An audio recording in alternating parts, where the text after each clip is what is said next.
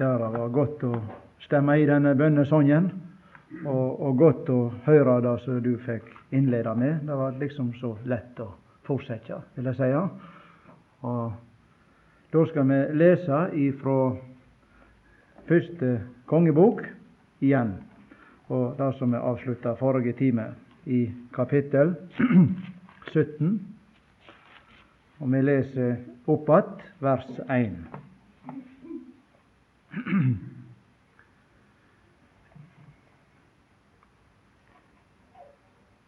Elias fra Tispe, en av de som hadde flytta inn i Gilead, kom, kom en dag til Akab og sa:" Så visst som Herren, Israels Gud, lever, Han som jeg tjener seint og tidlig. Det skal ikke komme verken dogg eller regn i disse åra før jeg sier det. Det er litt betegnende sånn som han uttaler seg her, eh, Elias. Eh, når vi tenker nå på situasjonen i folket, som jeg prøvde å si litt om, og som han eh, nevnte her innledningsvis òg, så slår han fast når han står framfor kongen, så visst som Herren Og så sier han Israels Gud lever. Han var seg nokså bevisst, Elias, at han sto under en levende Gud, og det var Israels Gud. Eh, det var han som var deres Gud, egentlig, som de hadde vendt seg ifra. Og sånn begynte han. Dette gjorde nok inntrykk, det må vi regne med. Og så sier han så, så fint 'så visst'. Han var sikker på det. Og eh, jeg må Jeg har vært en av de som har fått hørt en del på Jon Aurebekk. og dette er, Jeg har lyst til å referere litt til den retning som han sa en gang, og jeg tror jeg har sittet på trykk òg. Eh, jeg refererer litt fritt. Eh, det var en av de gudfryktige som var satt i fengsel for sin tru. Og det var en lærd mann òg. Og kom i forhør. Og skulle nærmest tortureres og takast, og han ble slått òg.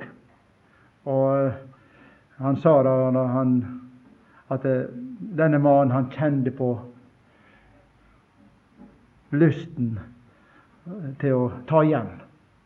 Og så skulle han ransake han, og så var det en liten fallekniv han hadde fått hos en av barna sine. Og den òg for de med. Og da var det akkurat som han kjente blodstraumen komme opp i, i han.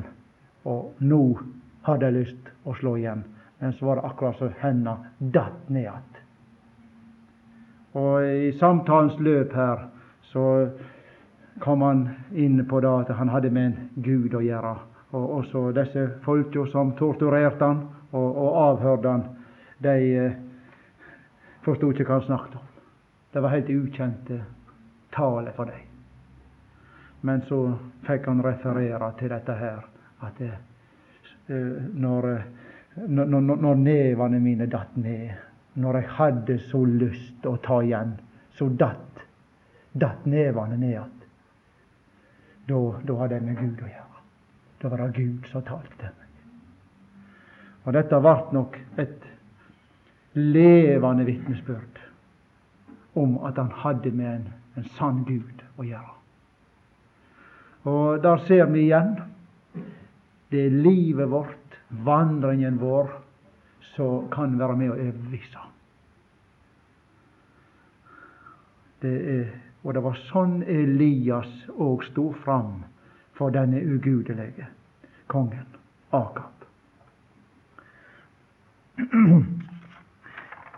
Eh, da skal vi lese litt videre. Skal ikke ta opp igjen noe mer der, men eh, lese litt videre i vers 2 i samme kapittel. Kapittel 17 og vers 2. Da kom Herrens ord til han, og det lydde så. Far bort herifra og ta veien mot aust, og gøym deg attmed Krittbekken, austan for Jordan. Nå eh, kunne vi kanskje prøve å sette oss inn litt i eh, Elias sin plass her. Hva rørte seg egentlig hos han? For det første så står det her at det var Herrens ord som kom til han. Det tyder gjerne på at han, eh, han, var kjent med ordet. Eh, ordet kom til han. Og Det er vel sånn òg. Det er et godt, godt uttrykk, da. Det er ordet som har kommet til oss òg under vandringen.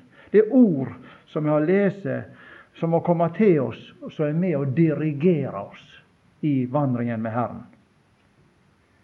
Og, og sånn eh, rent kjødelig sett så måtte det nå være mye bedre for denne store mannen.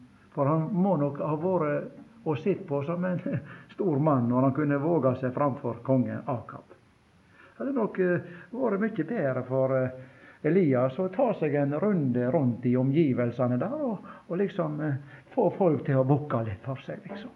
Det, det er ikke noe smågud, dette her, som har stilt opp framfor kong, kongen. Og fått litt sånn god goodwill, hadde så nær sagt, hos folket for, for, for, for det han hadde prestert. Sånn, kjødelig, sånn, sånn kunne han gjerne tenke i sånn rent kjødelig. Men å bære dette her at han liksom eh, Nå må du ta oss og gå og gjemme deg. Du må gå vekk herifra og gjemme deg. Det, det var gjerne ikke så enkelt for han dette her. For eh, dermed så kunne du tro at han skulle nå først eh, stå fram sånn som han hadde gjort, og så, så, etterpå vise seg som en reddhare som må gjemme seg. Sånn kjødelig sett så var det nok en liten prøvelse alt sammen, dette her for han. Og det vart til prøvelse på prøvelse. Det vart det. Da kom Herrens ord til han, og det lydde så:" Far bort herifra og ta vegen mot aust, og gøym deg attmed krittbekken austan for Jordan. Eh, det er litt eh, underlig hvordan Herren han somme tider fører oss.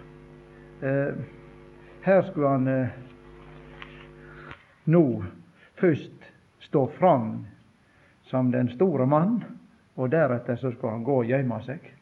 Og, og, og, og vi veit hvor det enda, dette her. Det ble liksom så unaturlig alt. Rent kjødelig sett. Men det som er så fint med Elias, det er at han tar ikke og overprøver dette her. Han overprøver ikke Herren. Han er lydig ved Herren.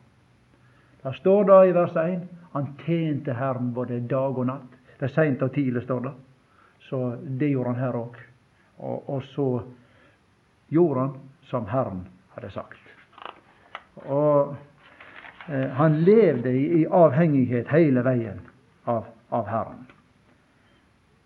Og så står det at han skulle gå ta veien mot øst. Og eh, det er alltid sånn at sola den kommer opp i øst. Og han fikk gjerne oppleve noe i den tida som han ellers ikke hadde fått hvis ikke han hadde vært lydig. Han fikk kanskje en soloppgang ifra Herren i, i den tida. Det må vi regne med. For, eh, for Eh, når vi nå ser hva han skulle være med på når han skulle opp på Karmelfjellet, så, så var det nok at han måtte ha seg en tur i enerom, der det alle omgivelser rundt han bau på mange måter imot, men Herren sto foran. Så fikk han soloppgangen. Det gjorde han nok. Eh, nå kan vi tenke litt sånn òg hvordan israelsfolket gjerne måtte tenke litt på dette her. Nå når eh, plutselig så for han ifra dem på en måte igjen. Og kanskje folket kunne lettere da innsjå at det, det er sant, det som kommer til å skje nå. Og nå er det vi får med Herren å gjøre. Så det ble nok kanskje en dom for dem òg, i tillegg at Elias får vekk og gjemte seg. Og i tillegg Han liksom på en måte tar lyset vekk. Det lyset som var i det ellers beksvarte rundt i. Når en tenker sånn åndelig sett, så er det akkurat så Herren tar lyset vekk. Så Og Herren han let ikke trakka på seg i det uendelige. Han eh, eh, sier kanskje stopp en gang, og så let han oss på en måte renne linja ut. Det har vist seg før. Og så tar han oss igjen, men da har vi gjerne måttet smertelig erfare noe. Han måtte nok gjøre det, Abraham òg. Han eh, fikk seg en, hadde en nedtur i Egypt som ikke var så positivt for han. Og så er det akkurat så at eh, Herren han måtte bare få han helt tilbake til nullpunkt igjen. Nå kan vi gå videre. Og den tida du var nede der i Egypt, det er null verdt for meg. Det er akkurat som han. Men han Abraham fikk lære noe. Slik, slik må vi nok erfare den enkelte av oss. Og så skal vi lese videre litt når han nå kommer. Jeg tror vi siterer da Guds ord som står da i videre der. Du kan drikke av bekken og jeg har sagt til ravnene at de skal syte for mat til deg der. Så tok han ut og gjorde som Herren hadde sagt. Han gikk til Krittbekken, austan for Jordan, og der gav han seg til. Og ramnane bar brød og kjøtt til han om morgenen, og brød og kjøt om kvelden, og han drakk av bekken. Men da det lei om ei tid, tørka bekken bort, av de det ikke kom regn i landet. Da kom Herrens ord til han, og det lydde så, og så videre. Eh, vi ser stadig vekk her at det er Herrens ord som kommer til han. Og på Herrens ord så er det liksom det som dirigerer hele veien her. Eh, det syns jeg er, fint. Eh, han blir dirigert ut ifra Guds ord. Og vi snakker så gjerne ofte om å leve etter Guds vilje. Men eh, Guds vilje, det finner vi i Ordet. Og det ordet, og det var så fint som han nevnte her òg. Vi må ned til Ordet og, og, og bøye oss for Ordet Og finne fram ordet hver dag. Og det er det som er tungt. Og det er det som er vanskelig. Eh, det er liksom så lite tilskyndelser. Vi, slår så lett opp gjennom å er med og leser og arbeider med ordet når vi er i lag flere og på møte og sånt. Men eh, når den jevne hverdagen kommer, så er det så tungt. Det er alltid tungt. Og så Iallfall for mitt vedkommende så er det så mye, mye lettere å trive til dagens aviser. Det er det. Men eh, du hendelse hvor godt det er når vi får oss ei stund med Herren.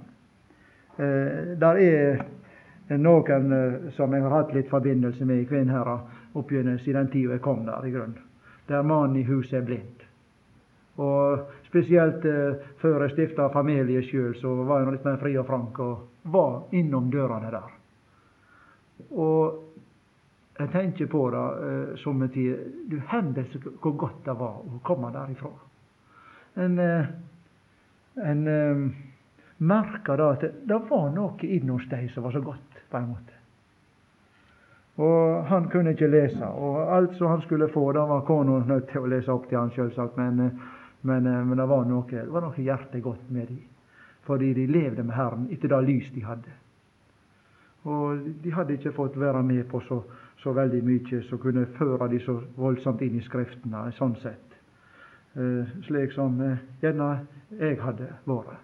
Så jeg hadde vært på kurs etter kurs etter kurs. Men de levde etter det lys de hadde. Og, og en merker at det var akkurat som det satt noe i veggene når en eh, kom innom der, og, og en var velsigna når en kom der. Og det, det er liksom dette med putla med heime som betyr så mye, egentlig. Dette med putla med heime. Og, og, og, det viser seg at det, det er da det er tyngst òg. Og, og det, det, er da vi har med en annen å gjøre, med våre nærmeste. Det er det som er tyngst. Og, og det som han sa, det var vel Abraham Thomsen eh, som fikk det sagt så klart. Jeg husker ikke skikkelig igjen, men eh, en er ikke noe en, mer for Herren enn at en, er, en kan, kan være hjemme med sine egne.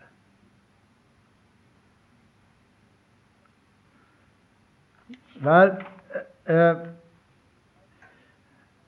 vi veit at eh, Elias, han eh, Rent naturlig, som jeg sa, så står det her i vers 4 du skal drikke av bekken som jeg har sagt til deg, og at ramnene skal sitte på mat åt deg der. Det hadde vært så mye finere om det var noen fine, reine duer som kom til han.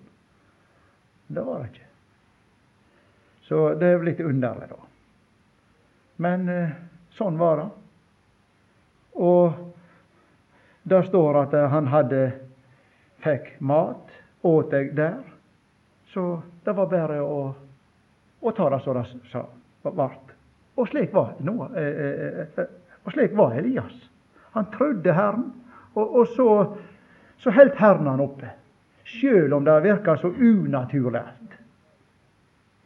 Og vi kunne tenke da at eh, Herren han kunne være god for oss og plutselig eh, la det renne litt mer vann igjen i bekken.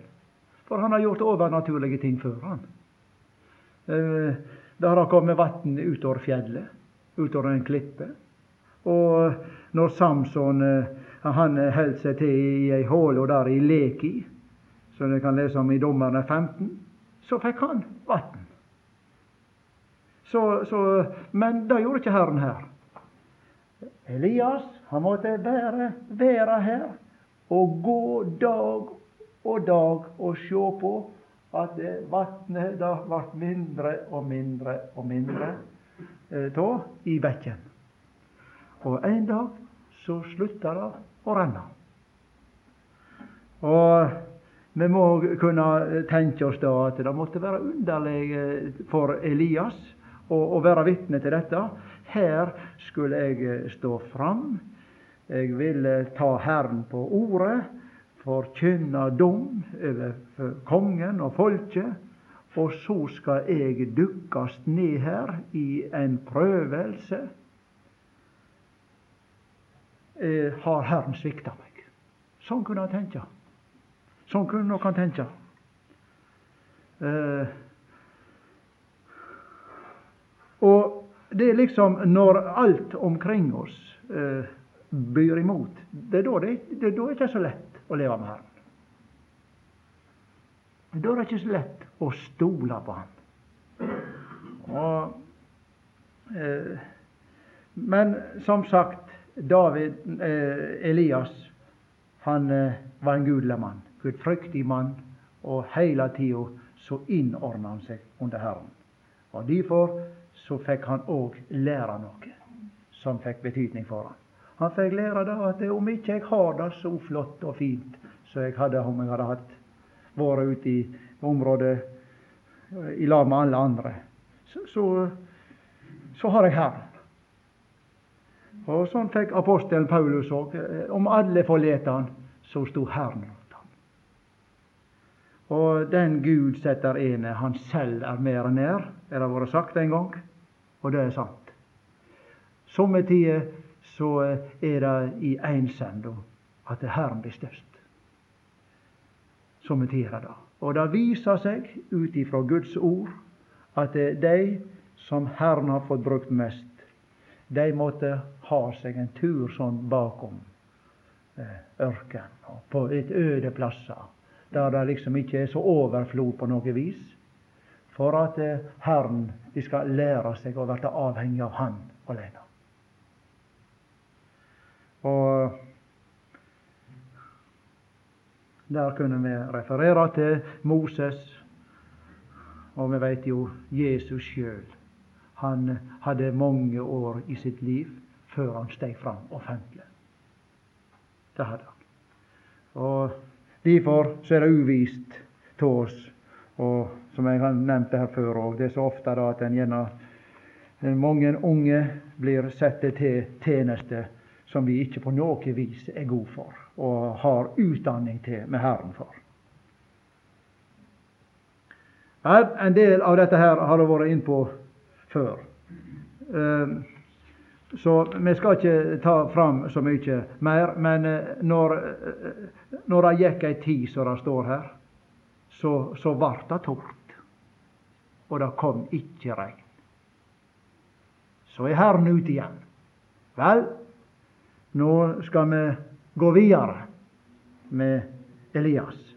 Og Så kommer ordet til han. Ta ut og gå til Sarepta som hører til Sidon, og gjev deg til der. Jeg har sagt til ei enke som bor der, at hun skal syte for mat åt deg. Da tok han i vegen og gikk til Sarepta. Da han kom til byporten, fikk han sjå ei enke som gikk og sanka ved. Han ropa til henne og sa, Kjære deg, henta en liten grann vatn åt meg i ei skål, så jeg får drikke. Så gikk hun og ville hente vatn til han. Da ropa han etter henne, kjære, ta med deg et stykke brød til meg. Hun svarer, så visst som Herren din Gud lever, eg eig ikke så mykje som ei brødskive. Eg har bare en neve mjøl i krukka og en grann olje i kruset. Og nå går jeg her og sanker et par vedpinner og vil gå heim og lage det til åt meg og sønnen min. Så vil vi ete det, og siden legge oss til å dø.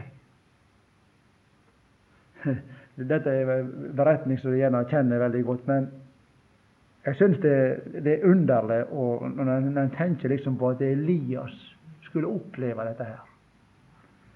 Um, jeg hadde så nær sagt her skal denne Guds mann komme til ei enkje som er fullstendig desillusjonert, hadde så nær sagt. Er liksom ferdig med livet, og han skal ta seg en liten hvete og, og, brød, og, og så legge seg til å dø.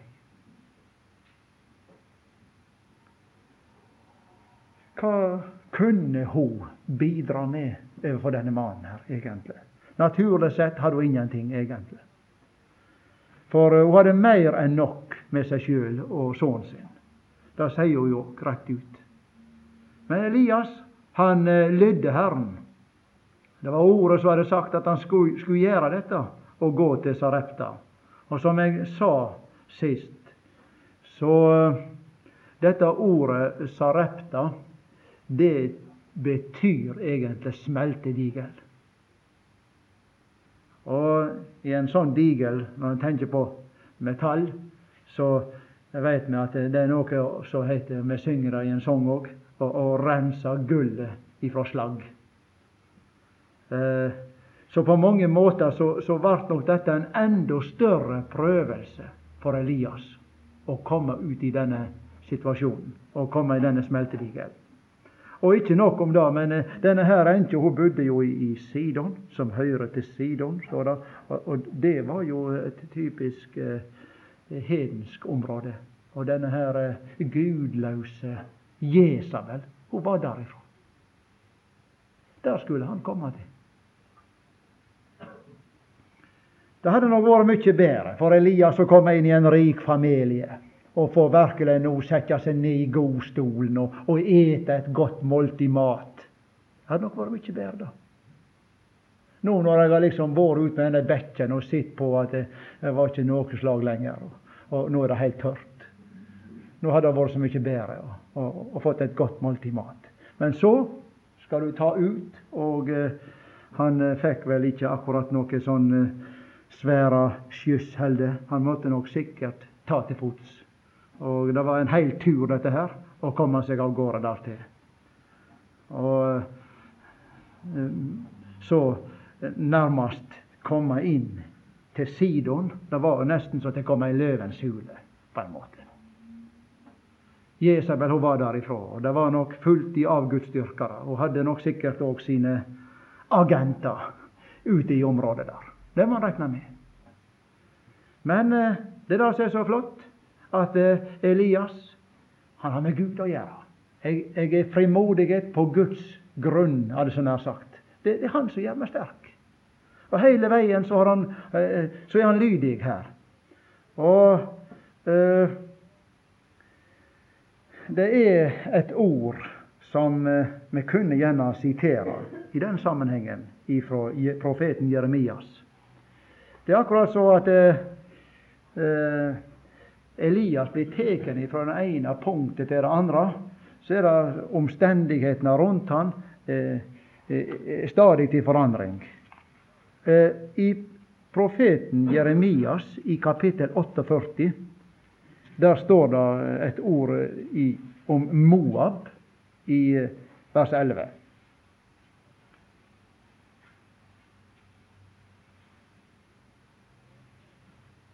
Og det er vel ei sammenlikning nærmest av eh, Der en sammenlikna Moab nærmest med sånn som en, en, en bar seg åt når en skulle liksom eh, ha med vin å gjøre, og, og arbeide med vinen. Så står det i vers 11. Moab har levd i fred fra sin ungdom. Han har leie still på barmen sin. Eh, og dette er et uttrykk eh, når en har med vinproduksjon å gjøre. Så er det noe som heter bunnfall. Noe som detter ned, og dette er barmen. Og er ikke tappa fra fat til fat. Og aldri har han fare ut i fangenskap, i utlegg, som det står her. Derfor set dommen hans i han endå angen, altså lukten nærmest. Eller, og angen har han ikke Og angen av han har ikke forandra seg, eller endrast. Det er noe med dette at Elias, akkurat så, så Moab her ikke var var det gjort sånn med. Men Elias han liksom akkurat som han var tappa fra ene til det andre eh, karet. Og så eh, ble eh, det nok en prøvelse foran dette, at det stadig vekk omgivelsene rundt ham forandra seg. Men det var for han ikke skulle slå seg til ro på en måte. Fordi at Herren han ville ha han i smeltedigelen og få noe mer ut av han og få noe mer ut av han. Snakker så mye av egen erfaring om prøvelser. Men jeg tror at eh, Herren han eh, setter oss alle på prøvelser på samme vis. Og, og vi, vi, har liksom eh, alle kanskje våre sterke og svake sider. Og så er det Herren, når vi er innstilt til å leve i lag med Herren, så er det akkurat sånn Herren han setter oss opp i det ene hjørnet og det andre, kanskje der vi har våre svake punkt. Og så får han, som får med smerte eller erfare noe somme tider. Og så vet vi da at eh, somme tider så må vi erkjenne da at vi, vi gikk feil. Og, og Herren han fikk eh, lære oss noe. Men somme tider så er det det som det være i en smeltedigel. Det er noe slagg. Eh, slagg som føler oss, på en måte Det er det. Og så er det Han eh, møter eh, denne kvinna. Og som jeg sa, hun hadde i grunnen mer enn nok med å, å holde hodet over vannet sjøl, hadde jeg sagt. Hun var egentlig ferdig med livet sitt. Så på et vis så skulle Elias også her vært et lyspunkt for henne. Og eh, Jeg veit ikke, men uh, der er ting som kan tyde på at hun gjerne eh, kom til Eller gjerne kom til overbetydning om Herren. For uh, det står i Nye Testamentet i Hebreabrevet at kvinner fikk sine døde igjen. Hun gjorde da den her òg, litt seinere. Vi veit da at Jeg tror jeg bare skal lese det, slik at vi får sammenhengen med. Vi går litt videre der og leser fra vers 13. Da sa Elias til henne, du trenger ikke være redd. Gå heim og laga til som du har sagt, men baka først et lite kakebrød av det, og kom ut til meg med. Sidan kan du laga til noe åt deg og sånn. Og så sier Herren Israels Gud, Mjølkrukka skal ikke verta tom, og ulja skal ikke verta borte i krusa til den dagen kjem, da Herren sender regn ned på jorda.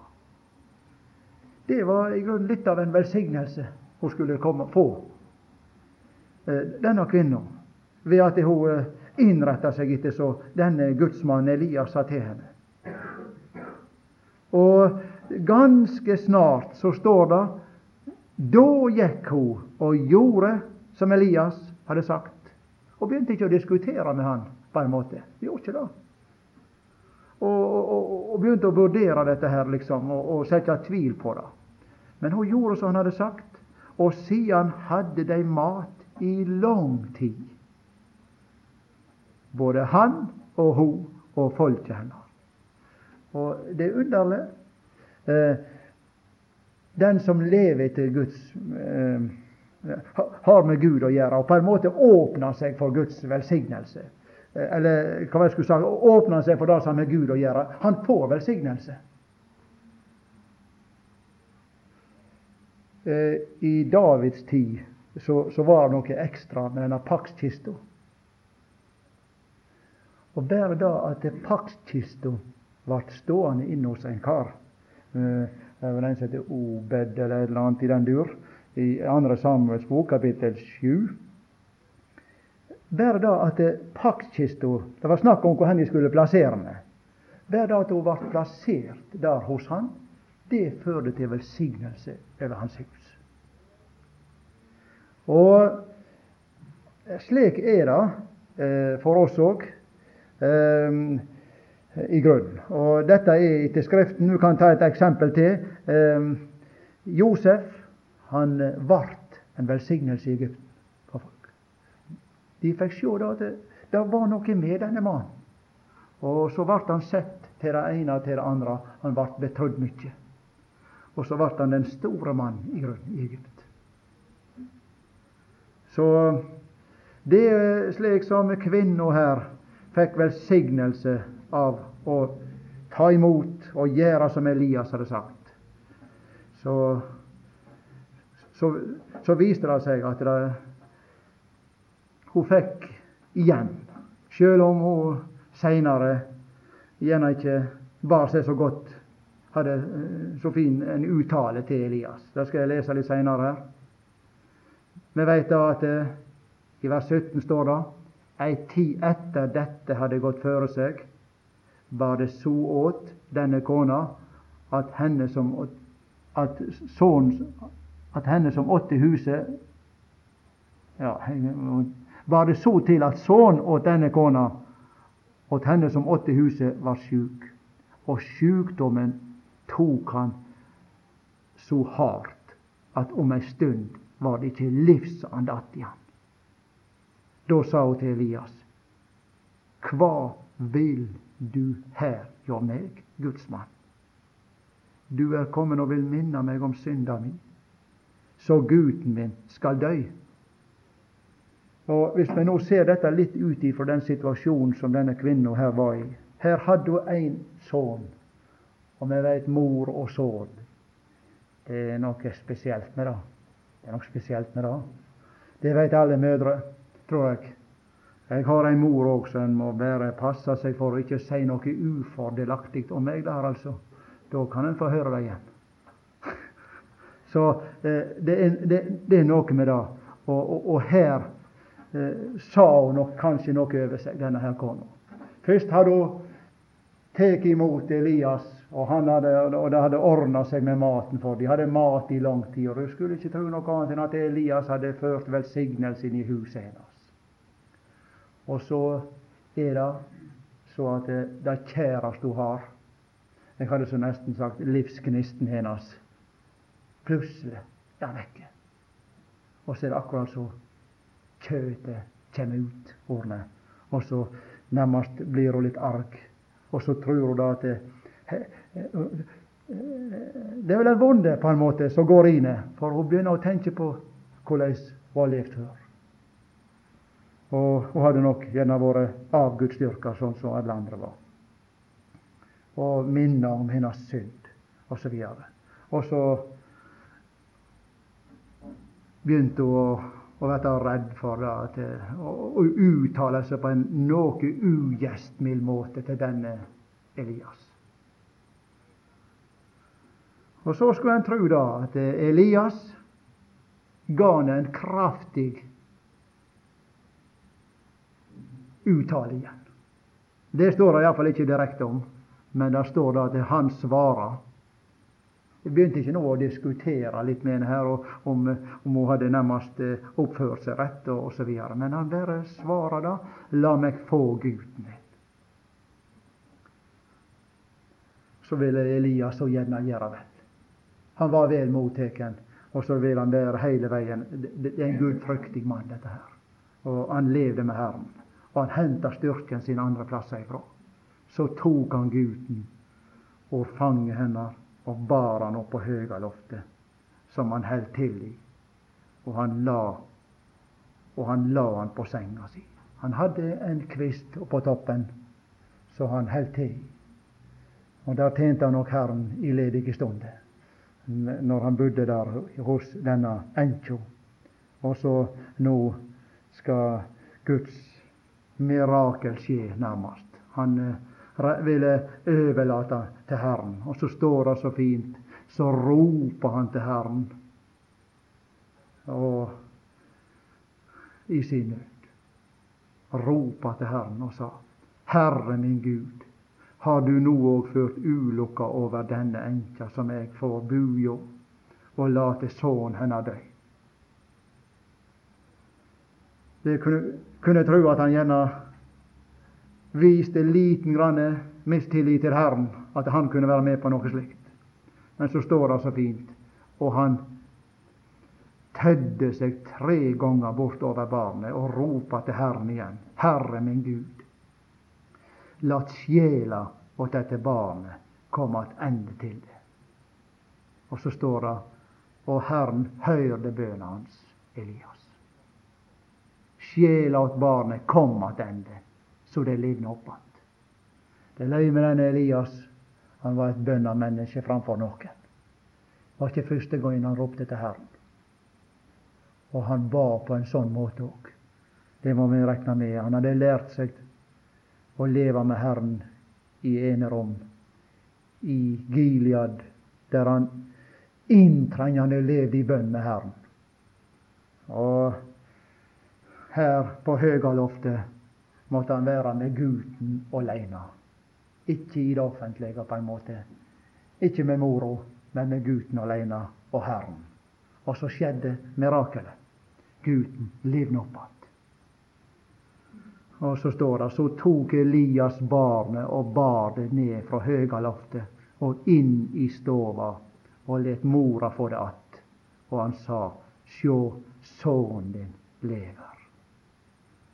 Og vi kan vel aldri, aldri tenke oss hvor inn i situasjonen Det er ikke så lett, da, men tenke seg til at denne mora som hadde denne sønnen som betydde alt for meg, og så var han vekke, og så plutselig så får han lys, sprell, levende igjen. Det måtte være et herlig stund for meg. Så var det så det spratt liv der i stua.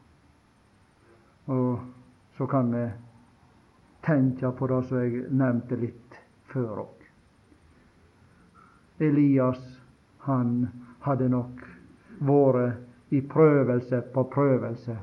Men det som kom ut av dette, det var et nytt liv. Og han brente for Herrens sak, som jeg sa. Og måtte det være slik òg at eh, når Herren har oss i skole, som ellers er en frivillig skole egentlig å være i, det er en frivillig skole, da, så måtte det være at det som kom ut av det, at det var at det spratt noen nye liv opp. Det var nye som kom til i våre omgivelser. Det var nye som kom med på veien. Og det er ingenting som er så kjekt når vi får være med og oppleve det. Og For noen år siden, det må si det, det er så sjelden at det blir alltid år siden, må referere på den måten, så, så uh, spratt det et nytt liv opp, hadde jeg nær sagt, i Hålandsdalen.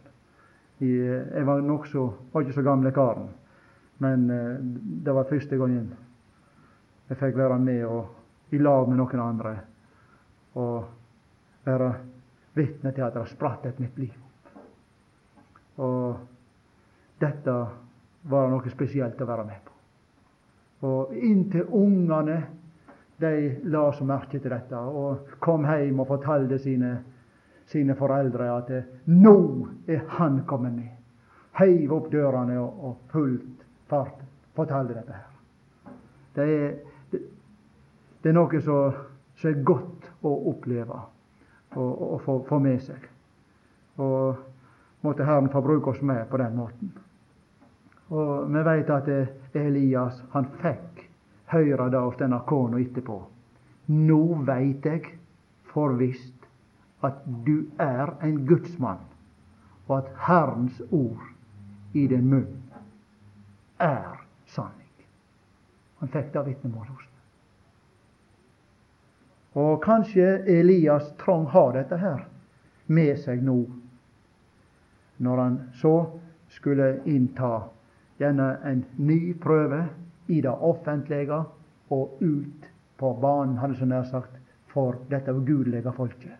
Nå skal vi se hvem som er den sanne Gud i Israel. Og så står det litt videre. Nå skal jeg snart være ferdig. Det blir sikkert litt langt tekkelig gjennom dette. Men eh, jeg har bare lyst til å lese lite grann til fra kapittel 18. Så var det ei lang tid etter, det lei på tredje året.